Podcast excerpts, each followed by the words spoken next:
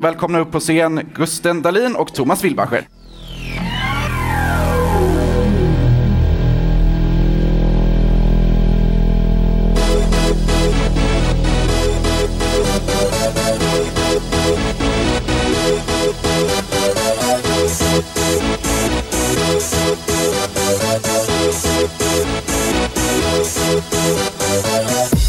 For this?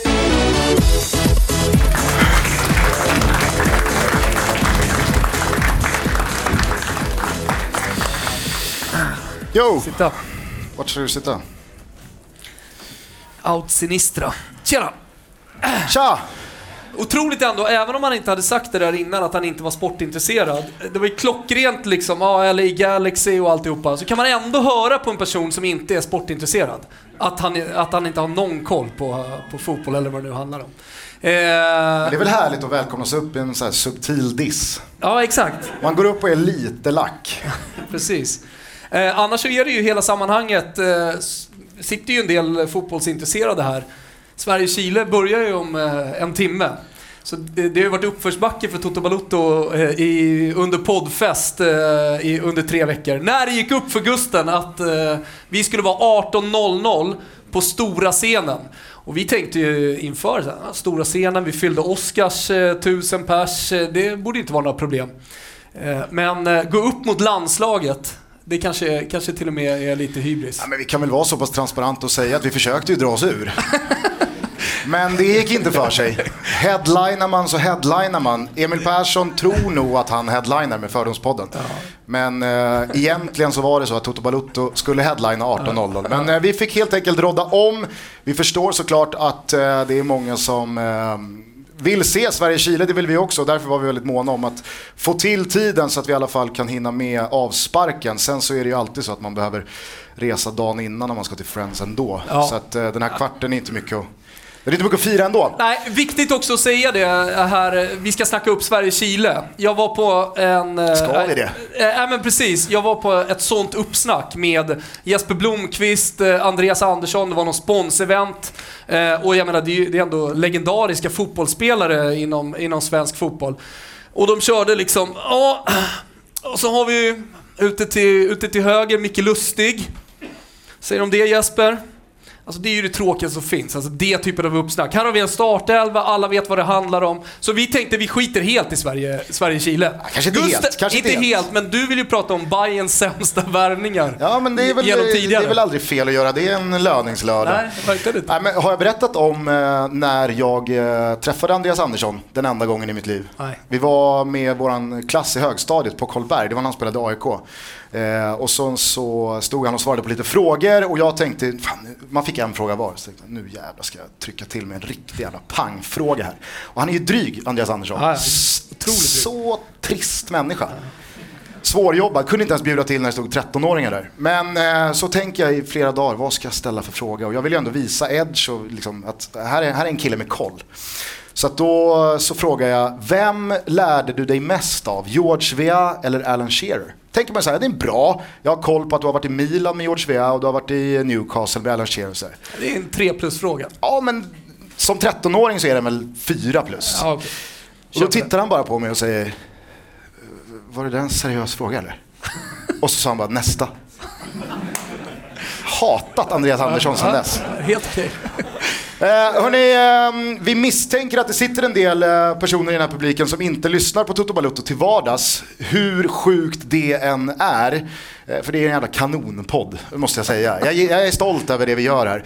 Eh, och gör man inte det så förutsätter vi också att man då heller inte är fotbollsintresserad. För att är man fotbollsintresserad, då borde man verkligen lyssna på vår podd. Vi eh, brukar eh, flanera mellan alla olika grenar av eh, fotbollens värld. Det är svenskt och det är internationellt och det är landslag och det är kuppspel och tragiska livsöden och debatter kring eh, allt som på något sätt har med den här sporten att göra. Så att, eh, gör ni inte det, varmt välkomna att börja och för alla er som inte är fotbollsintresserade men av någon anledning sitter här ändå så kan det bli ganska kämpiga 40 minuter som eh, återstår. Eller vad säger du? Ja, jag tror det, med tanke på det här med Bayern och, och värvningar och sådär. Det är smala ja, det är namn som smala ska upp här ämnen, det snart. är jättestora. Men vi ska, ta, vi ska ta ett litet grepp om landslaget och eh, Zlatan såklart i Galaxy. På tal om smala namn, vi brukar alltid inleda våra avsnitt eh, med att eh, säga grattis till födelsedagsbarn.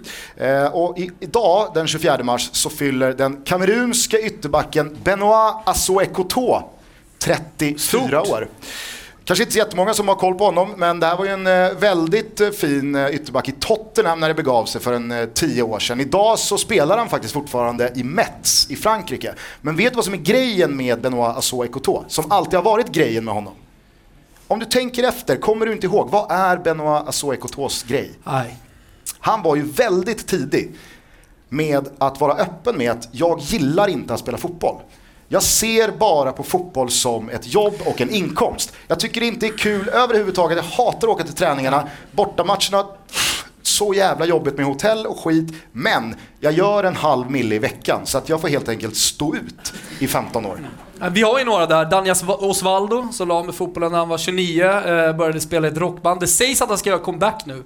Eh, så kanske har Och cashen vet sinat. exakt, gagen på de där svettiga klubbarna i Buenos Aires är ju inte Man har bra. ju sett lite, lite klipp. Det är liksom inte inför 500 000 eller på att säga 500 000 är väl ingen som spelar för va? Nej.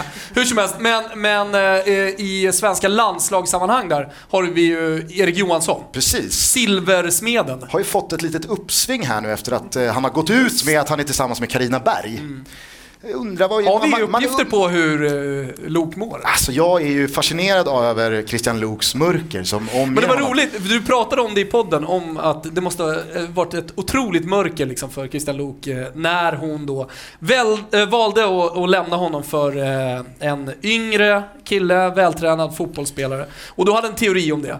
Eh, och sen, jo, jo, men sen nu för eh, bara ett par veckor sedan så läste jag faktiskt en intervju med honom. Där då man fick bekräftat att det, det har varit riktigt tungt för Christian Luuk. Ja, kan Nej, jag, jag har varit inne och skummat på sådana här, liksom, eh, vad heter den? Stoppa pressarna. Ja. Där kan man läsa om hur grannar vittnar om att Luke kör solbriller i ja- januari och köper Skitsamma. färdig lasagne och skit. Jag ska bara säga det. Nu säger du att liksom, Carina Berg verkar ha kört i fel fil med Erik. Vi är ju polare, jag måste ändå stå upp för min kompis. Jag tror inte han har gjort så mycket fel. De, det tog slut mellan dem och sen så träffade hon Erik. Skitkul i alla fall, men Erik Johansson han var ju också någon som förhöll sig väldigt sval till själva fotbollsspelandet som syssla. Eh, han tycker inte det är roligt överhuvudtaget. Han är en startande mittback i, i eh, Sveriges landslag och säger 27 år gammal att tack för mig, det är bra så här. Jag uppskattar de lediga eftermiddagarna och kvällarna istället när det är landslagsuppehåll. Så att eh, jag eh, viker in skägget och sätter mig och skräddar lite smycken. Ja men du har ju en bra, jag vet att vi har dragit den, några har säkert hört det i podden också, när du var på efterfest med eh, halva A-landslaget höll jag på att säga, men det var Erik Johansson, Ponne var där. Mm, Mange Eriksson, Danne Larsson, Erik Friberg. Det var en riktigt bra efterkaka hemma hos, hemma hos Erik Johansson efter att Malmö hade spelat mot AIK. För övrigt den sjukaste stunden på riktigt i mitt liv. Jag har aldrig varit så skamsen som när Danne för att vi satt fast på Bromma flygplats, skulle ner till den här matchen. Sitter fast på Bromma flygplats, planet blir sent, eh, vi har varit igång ganska länge och känner oss inte speciellt fräscha så vi måste duscha. Tänker att vi duschar hemma hos Fribbe efter matchen, Erik Friberg. Men eh, Mattias Ranegi är så het på att nu måste, jag har bokat bord, vi måste dra. Och jag säger till Danne, jag måste duscha för att jag luktar inte gott. Och Danne säger, då får vi köra omklädningsrummet. Så att Danne tar ju med mig ner i kulvertarna in i Malmö FFs omklädningsrum med laget efter avslutad allsvensk match mot AIK.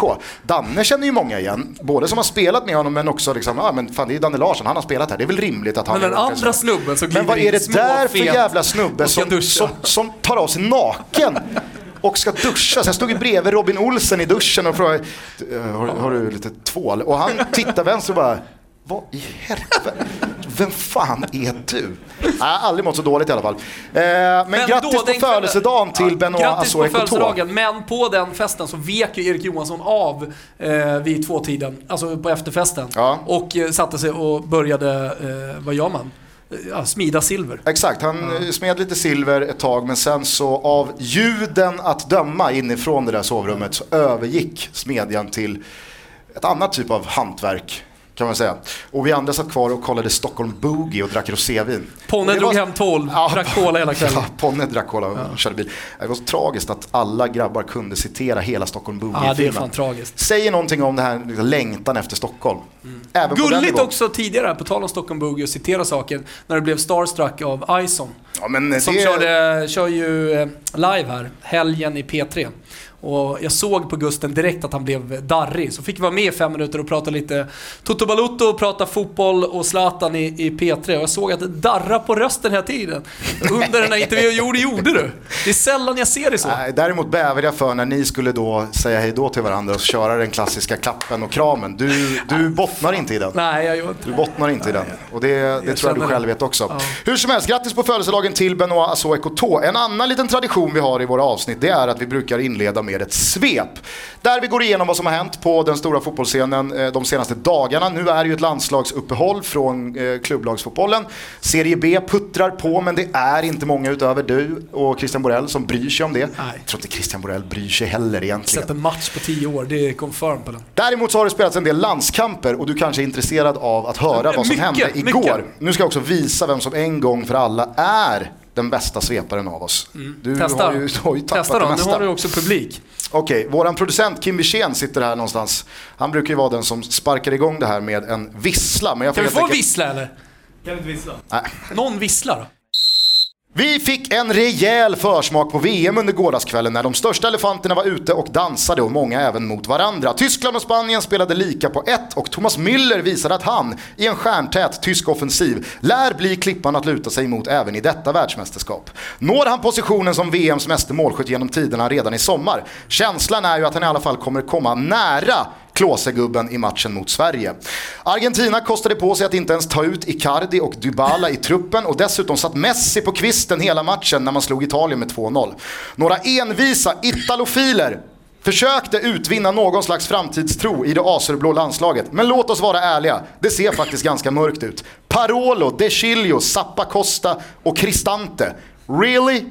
Andra bullar då i England som mötte ett annat falnat landslag, nämligen det holländska. Man får ju anta att de brittiska bortasupporterna inte var helt missnöjda med att deras tre lejon spelade matchen fredagskväll i Amsterdam. Har någon kollat ifall Red Light District ens lyser fortfarande? Det strålade i alla fall om laget på planen och på något mirakulöst sätt så har förbundskapten Southgate återigen lyckats tuta i en hel fotbollsvärld att England reser till ett VM med möjligheten att lyfta bucklan. Det kommer givetvis inte att ske, men låt oss anglofiler lär ännu en gång få drömma. Football is coming home och allt det där. Och det är en härlig tid att leva just nu. Frankrike gick på pumpen i EM sist och många har utmålat frassarna som en av tre huvudfavoriter till titeln i sommar. Men en tappad 2-0 till förlust hemma mot Colombia sprider såklart en viss oro. Förbundskapten Deschamps ord om att Pogba minsann skulle bli omhändertagen hemma i Le Bleu blev också ganska obekväma. Storstjärnan bänkades till förmån för Kanté och Matuidi. Och den segdragna frågan, var ska Pogba egentligen spela, kanske behöver revideras. Ska Pogba ens spela? Vad fan är det som händer? I motståndarna visade El Tigre Falcao att gubben kan en och oddsen på att anfallaren kommer stoppa löken i påsen i Ryssland kan inte ens Betsson boosta till spelvärde. Fasiken vad man gillar målskyttar som krigar sig kvar i toppen och ständigt motbevisar oss lekmän och tyckare som säger att Zenit passerats. Trägen vinner, bra Falken. Och vi påminner väl om att det finns andra spelbolag. Brassarna spelade babushkan av Ryssland och latchade in tre ohotade noll. 13 skott på mål, världsnamn på samtliga positioner och betänk då att Neymar vilar upp sig hemma i Rio och står redo att göra kaos när det sätter igång. Seleção är min givna vinnare i juli. Ryssarna då? Nja, med Kokorin out är det inte mycket som talar för att värdnationen kommer att glänsa. Gruppen är dock tacksam och med Putin i sin ringhörna kan man aldrig räkna bort den ryska björnen. Det är väl ingen vågad gissning att VAR kommer att brukas lite extra, alternativt inte alls när det är till hemmalagets fördel. Hur landar Mexiko-Island 3-0 då? Ska vi redan nu räkna in en ångkokt torsk mot landet i sombrero? Eller ska vi våga lita på att den isländska vulkanen svalnat, somnat och snart är helt igenmurad? Jag lutar nog åt det sistnämnda. Jag tänker nämligen inte ställa upp på att mexarna bara ska slå Sverige. Vi är gulo gulo och vi räds inte ens knarkkarteller, beställningsmord eller krutröksdoftande puffrar.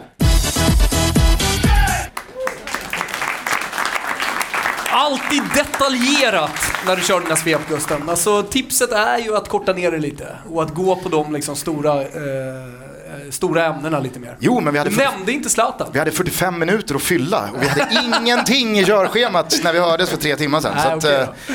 då måste man ändå inte göra... Zlatan va? Eller Nej, men han har väl inte spelat fotboll senaste Nej, dagarna? men det, det är hyfsat stort. Ja, ja, men vi kommer till Zlatan snart. Vill du säga någonting om matcherna igår? Jag tycker ändå det var en del resultat och insatser som ändå fick mig att haja till. Nej, men en sak som, som måste jag ju faktiskt reagera på, det är att du säger att jag, jag är den enda som står i den eh, italienska ringhörnen.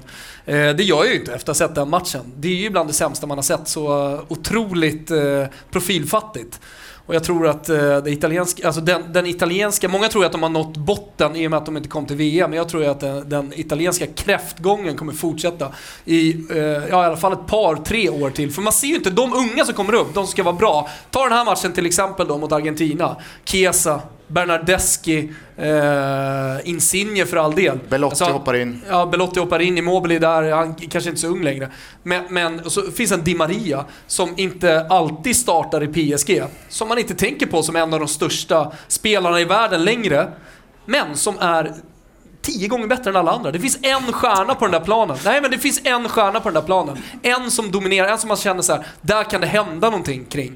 Eh, men, men kring italienarna, eh, det, det, det är deppigt. Sen måste det ju vara någon slags extra rub it in your face att Argentina inte ens tar ut två av Serie A's absolut bästa spelare och anfallare i form av Icardi och Dybala som att nej, ni färgar inte riktigt här. Nej, nej. Sen så är det också någonting extra med att Banega, som misslyckades i Italien, gör målet och, och är hyfsat dominant när han spelar.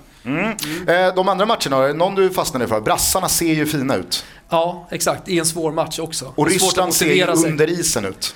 Ja, Hur det är, som du säger, sluta? det är som du säger, det kan vara så att det VAR är enda räddningen för, för Ryssland Och i, i sommar. Och, po- ja, jo, men det är Putin som styr VAR i så fall. Och, det ska man faktiskt inte eh, underskatta, den ryska armén. Den ys- ryska armén Ultras som kommer att gå bärsärkagång eh, under VM. Man har ju fått rapporter nu eh, som fotbollsreporter och fotbollsjournalist om att det är träningsläger nu eh, i Sibirien för de ryska ultrasupportrarna. Det, det som hände i Frankrike, det, eh, det var bara en uppvisning, eller en uppvisning, det var som en slags träningsläger också, eller ett genrep inför vad som komma skul, eh, ska. Och det som du nämnde också, det som hände i Red Light District. Med fulla engelsmän. Som för, att- det, det är ju så här, man kan ju garva åt att de hoppar i floderna, de står och krökar och kastar bärs på varandra och sådär. Men det är ju vidrigt att se när de står på de här eh, broarna i, i Red Light District. Det kommer förbi asiater på de här flodbåtarna. Eh, För jag märker att många garvar åt det. Och så står de och häller bärs på de här båtarna och alla, alla skrattar och jublar och sånt där. När de kommer till Ryssland och ska möta den ryska motsvarigheten då av, eh, av Ultras, då kommer det bli sån slakt. Minst fem döda. Minst fem döda. Minst fem döda i Ryssland. Ska vi inte sätta en 5,5-lina? Kan Så att den göra? går Ö- över under. Man vill inte ha Vadå, Tar du pushen. underlinan då? Ja, det hoppas jag.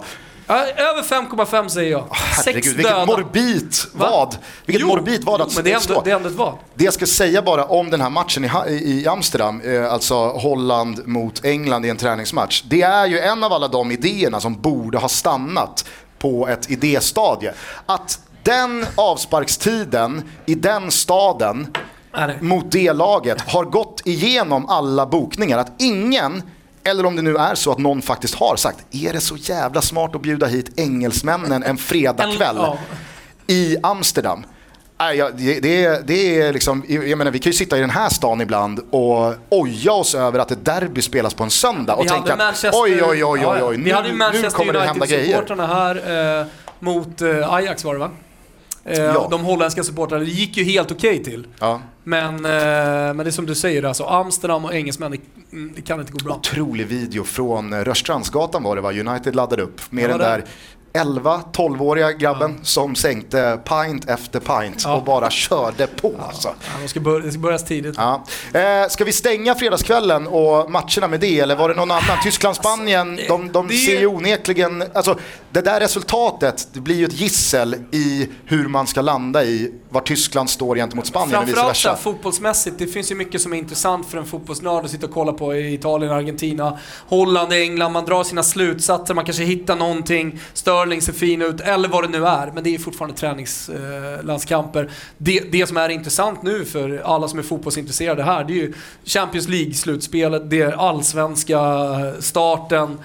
Jag, tror, jag tror inte folk har så mycket, har så mycket känslor kring eh, eh, träningslandskampen. Så vi stänger den. Ja, ja, och puffar väl lite för att eh, Olof Lund gästar oss imorgon. Det Just det. avsnittet kommer släppas på torsdag. Eh, Han är ju smart, den långe Lund. Det ska ju släppas en bok här nu och vilken bättre kanal att använda sig av än Toto Balutto. Så att, eh, vi snackar upp hans bok och Allsvenskan eh, senare i veckan. Eh, vi har ju lite andra grejer. Såklart, Zlatan Ibrahimovic klar för Los Angeles Galaxy i MLS. Eh, alla hade väl bara väntat på när och inte ställt sig frågan om. Nej, det, det har ju varit klart. Alltså det, det som var förvånande egentligen för de flesta tror jag, eh, kanske också för Zlatan, jag vet inte, det var ju att Manchester United visade så stort intresse och att han ville ändå avsluta. Jag tror att han väntade eh, på att gå till LA tills eh, Manchester United blev utslagna. Alltså jag, det, man, man, kan, man kan ju tänka sig att det varit klart länge när man ser att eh, all PR liksom bara skickas ut. Jag menar, det måste ha tagit några veckor för att fixa det där. Men jag tror att man har bara löst det och så har Zlatan väntat för att han vill eh, ha en sista chans att vinna Champions League. Jo, sen så Men- får man väl fråga sig hur mycket han hade haft att göra med den eventuella titeln då. Jag menar, han har ju varit skadad i princip hela gruppspelet. Han gjorde väl ett inhopp mot Basel i sista rundan. Visst, men jag tror för honom att det ändå hade betytt någonting att vara med i en semifinal till exempel. Ja, kanske. Hur som helst, eh, vi stod ju med Ison i helgen i P3 här och fick lite frågor om det här. Du nämnde det, jag ställer upp på det. Eh, men jag tror också att Zlatan såklart har väntat in ett strategiskt rätt läge att gå till LA och gå till MLS, gå till en ny kontinent, gå till ett land som inte riktigt har samma koll på Zlatans status i världen som fotbollsspelare som man har överallt annars. Och det är väl klart att det är en faktor i sig. Det var ju inte eh, någon raketforskning att paralleller skulle dras till David Beckhams avslut på karriären. Eh, och jag tror att det är kanske den största faktorn. Jo, största faktorn. Men samtidigt så tycker jag när man analyserar Zlatans flyttar, kanske de senaste, men framförallt den här med LA Galaxy, så är det så jävla tröttsamt att man hela tiden ska landa, alltså random fotbollssupportrar som du och jag och alla sitter här, ska landa i att analysera eh, Lejon, eh, vilka PR-kampanjer han gör. Visst, det kommer komma en dag när eh, fotbollsspelaren, eller när Zlatan utanför planen är större än Zlatan på planen. Men så länge han spelar, så länge han fortfarande finns eh, i ett fotbollssammanhang så tycker jag så här, fan låt oss fokusera på det.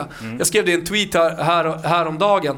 Alltså det är den enda spelaren. De kan skicka dit Beckham, Kaká, eh, Henry, men han är den enda spelaren som får mig att kolla och sätta på en MLS-match.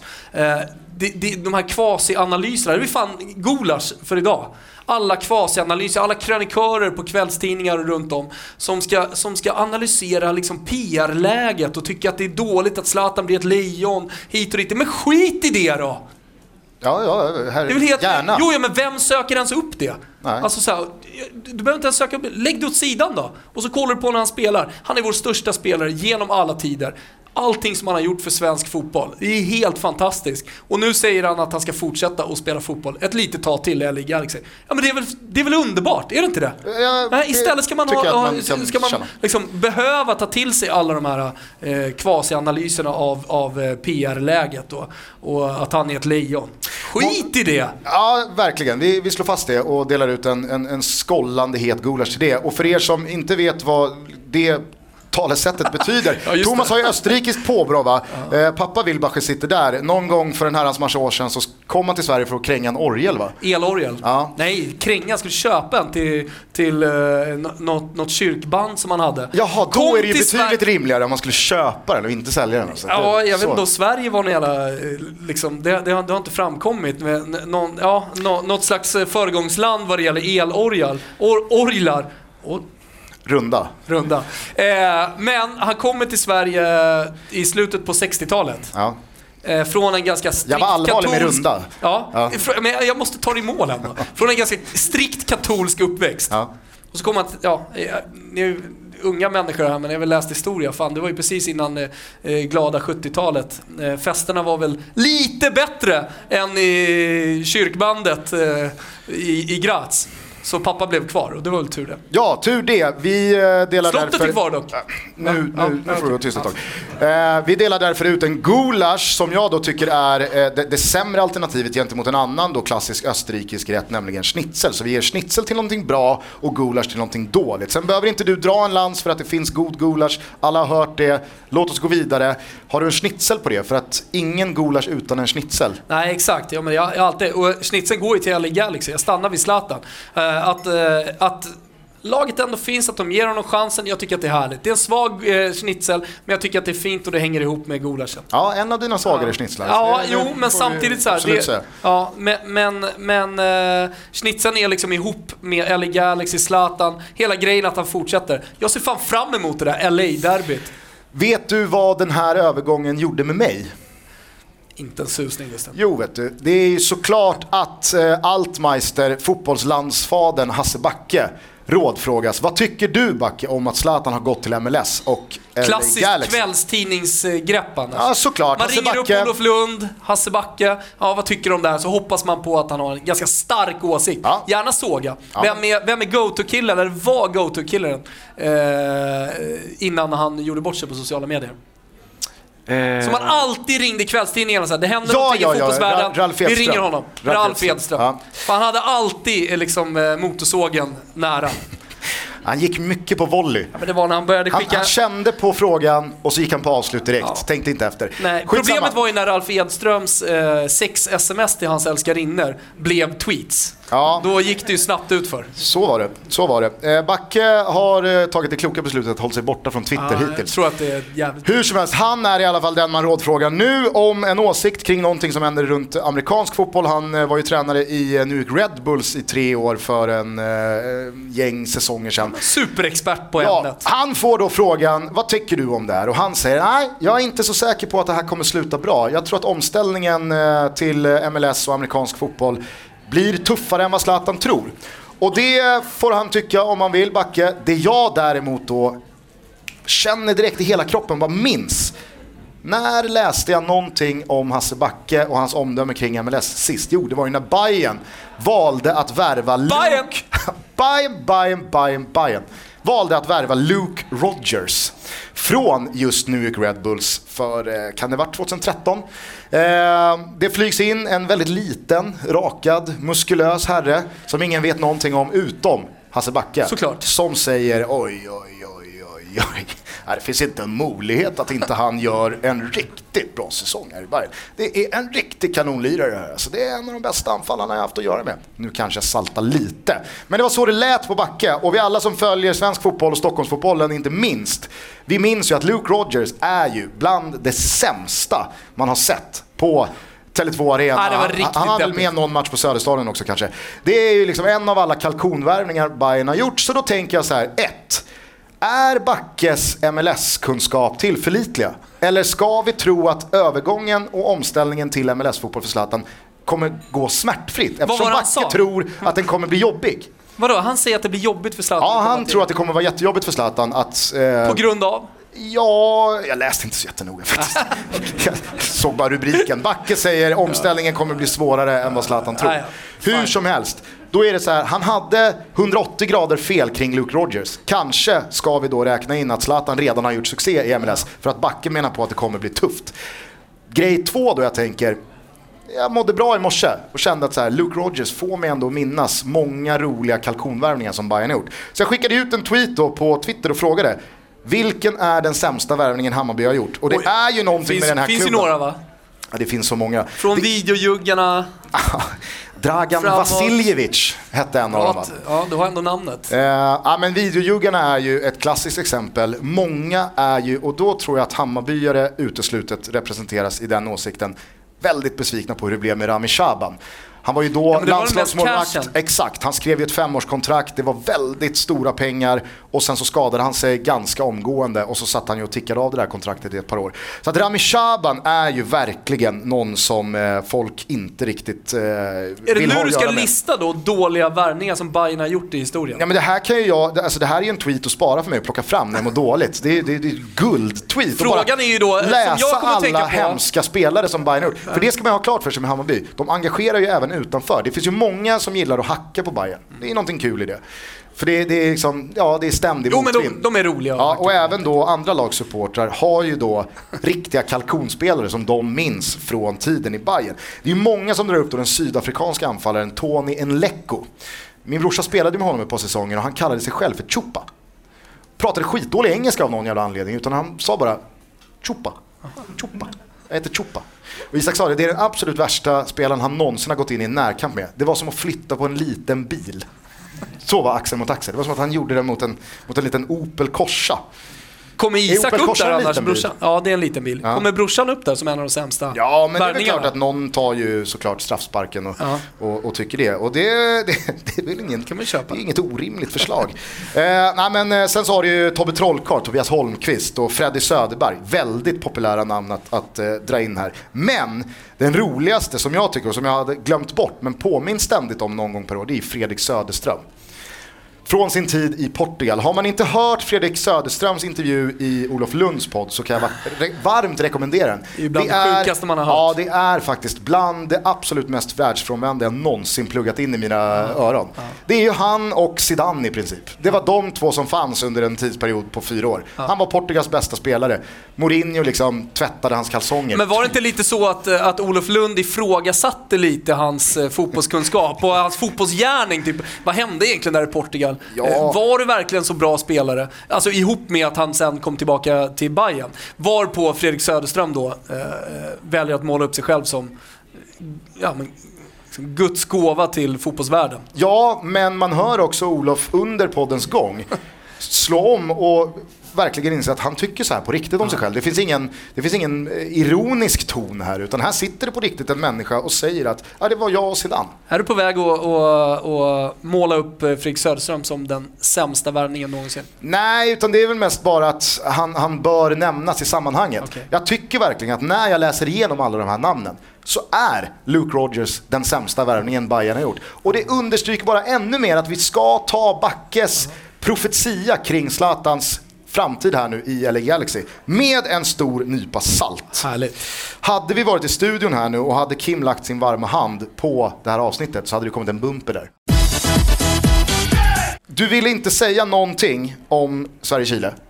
Ja, men kan vi säga nå jag vet inte, vi hade ju Ponne med oss i torsdags. Tack för alla som har hört av sig om eh, avsnittet. Sen så är det ju en helt annan grej att ha Ponne i studion eh, kontra att ringa upp honom. Man fattar ju vad han säger. Ja, det går inte Ja, att höra nej. annars vad han säger. Skitsamma, vi pratade lite om de här två matcherna som Sverige ska spela nu. Eh, Vi möter eh, Chile om 27 minuter. Och Vi hade en chilenare här eh, som, som var lite eh, deppig över att han jobbar. Han kanske har gått nu. Vet du hur man Smyger testar ifall det finns en chilenare i rummet? Nej. Man säger chi chi chi.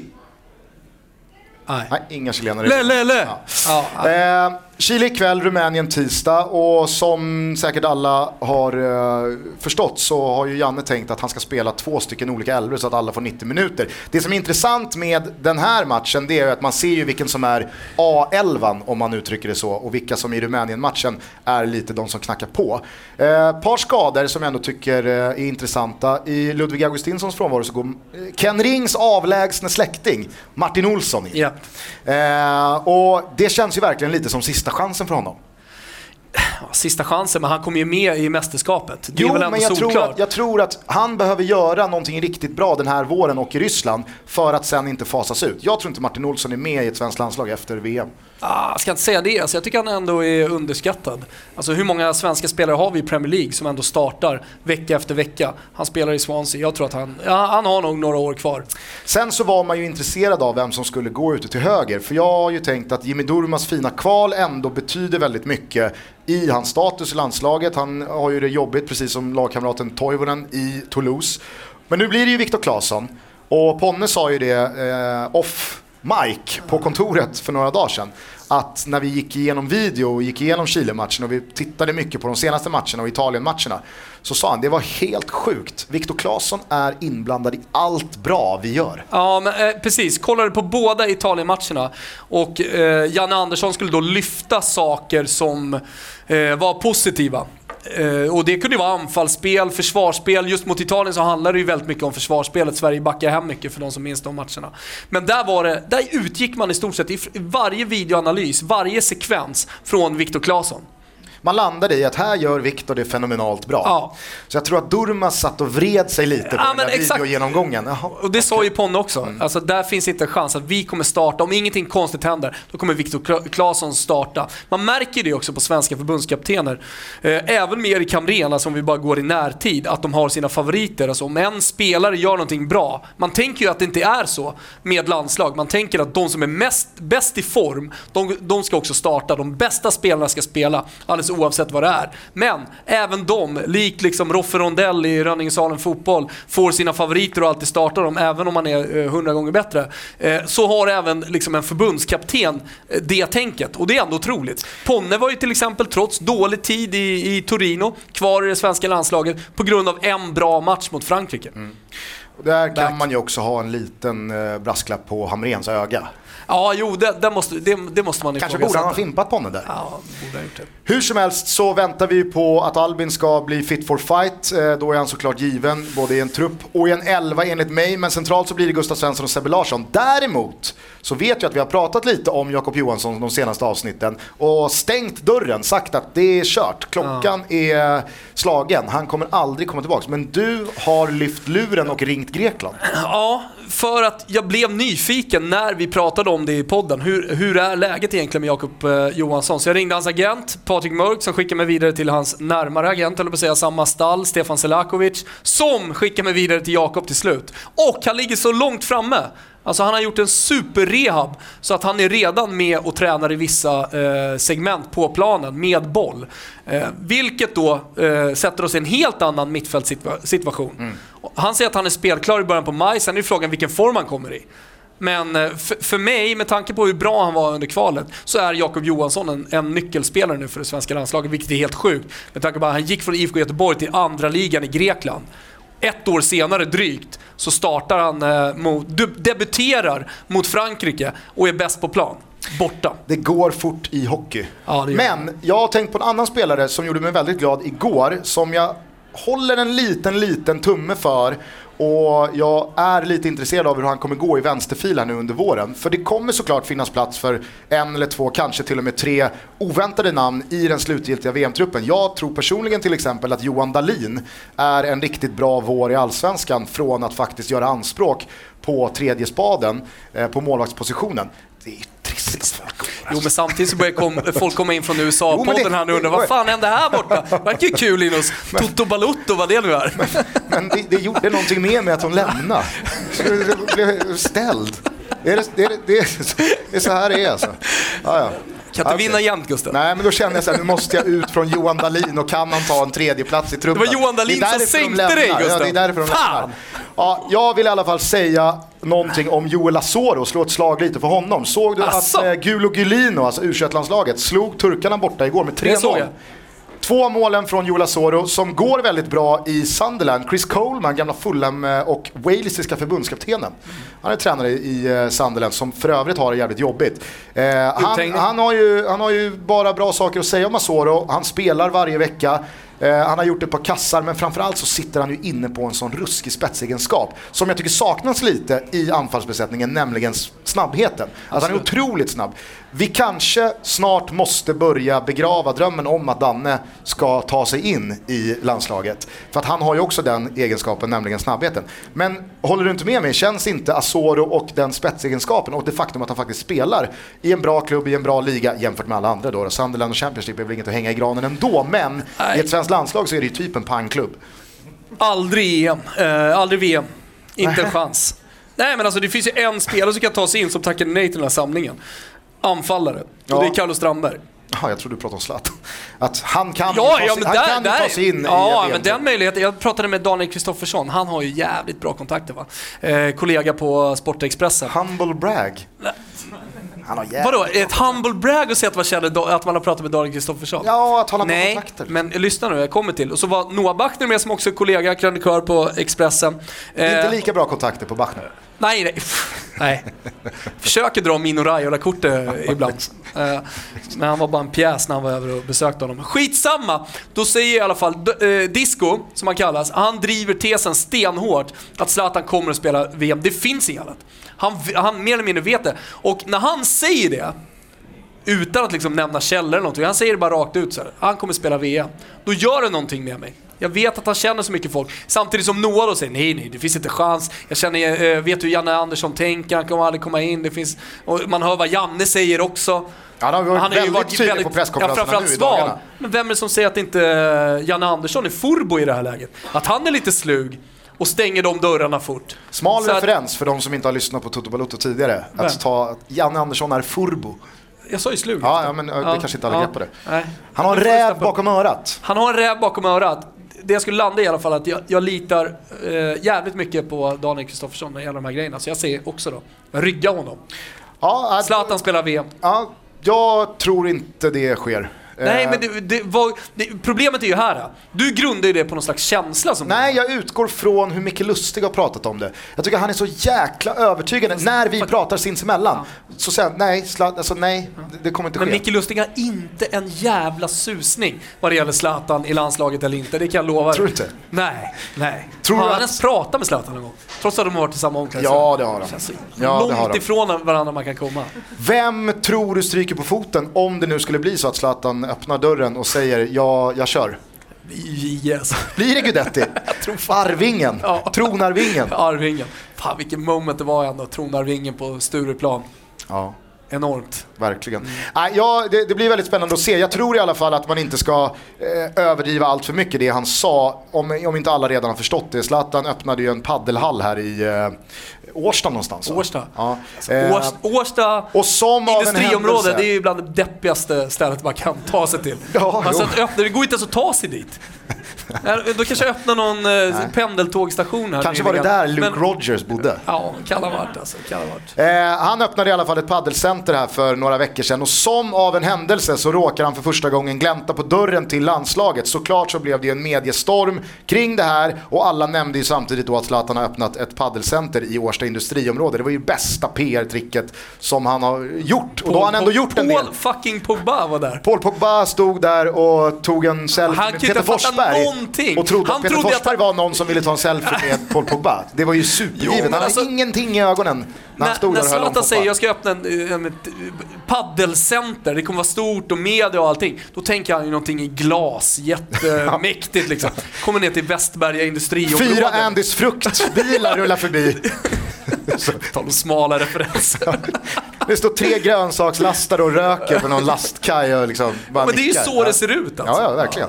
Eh, hur som helst, om man ska lita på Janne, nu öppnar ju du för att Janne är slug här och säger nej, så har ju Janne då kontrat med nej men vi har inte haft någon kontakt med Zlatan, vi har inte pratat om VM, det är ingenting som har ändrats. Eh, medan Zlatan då säger att landslaget hör av sig varje vecka.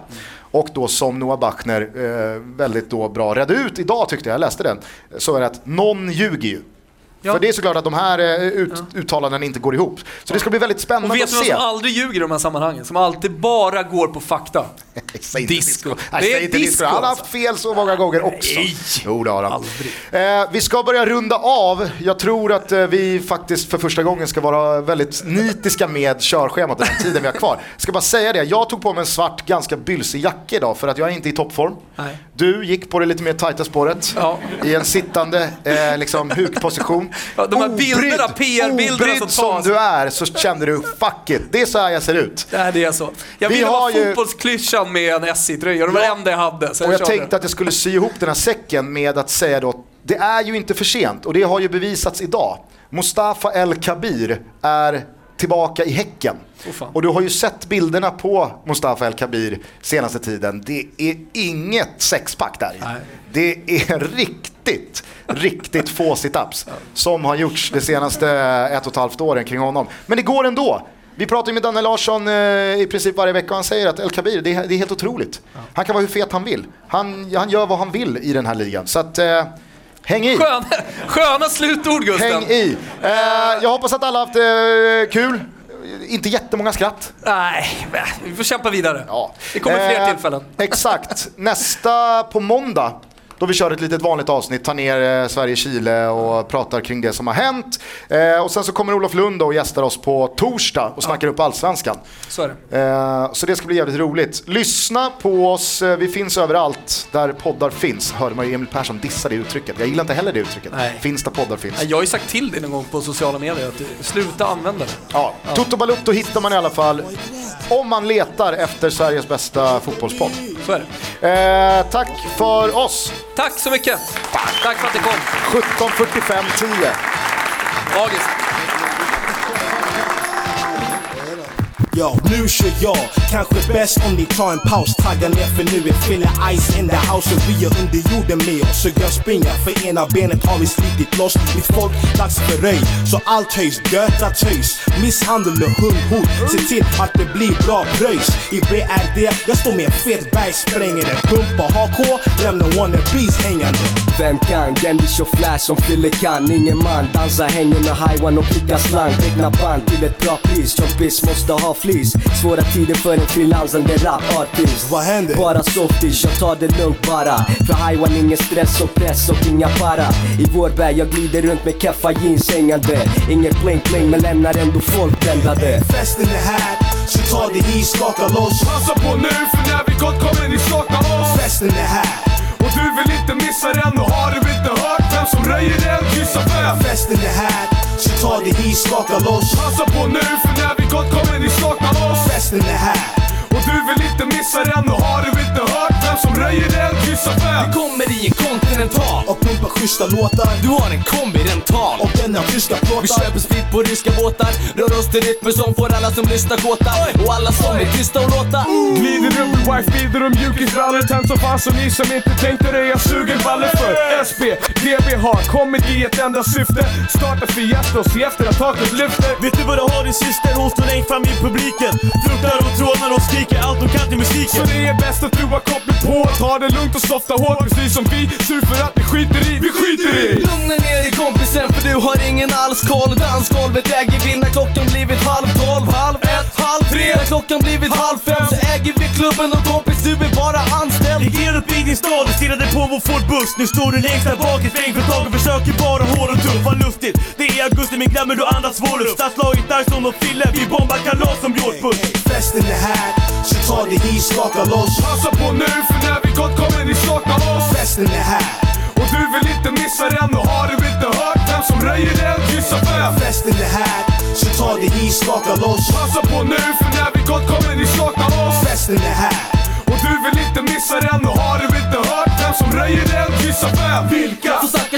Bajtare och rappa tajtare blir knappast najsare än när vi droppar rackabajsare Vilka? Gör det really tight på detta vilda sätt. Med Filla Ice och killar chilla nice dubbel mille ett. Vilka? Släpper bomben nu på eran longitud så kom dit ut och se ditt gäng som knäcker eran frontfigur. Vilka? Tar ett blås och kopplar av. Softa mår bra, Glassar runt som GB krossar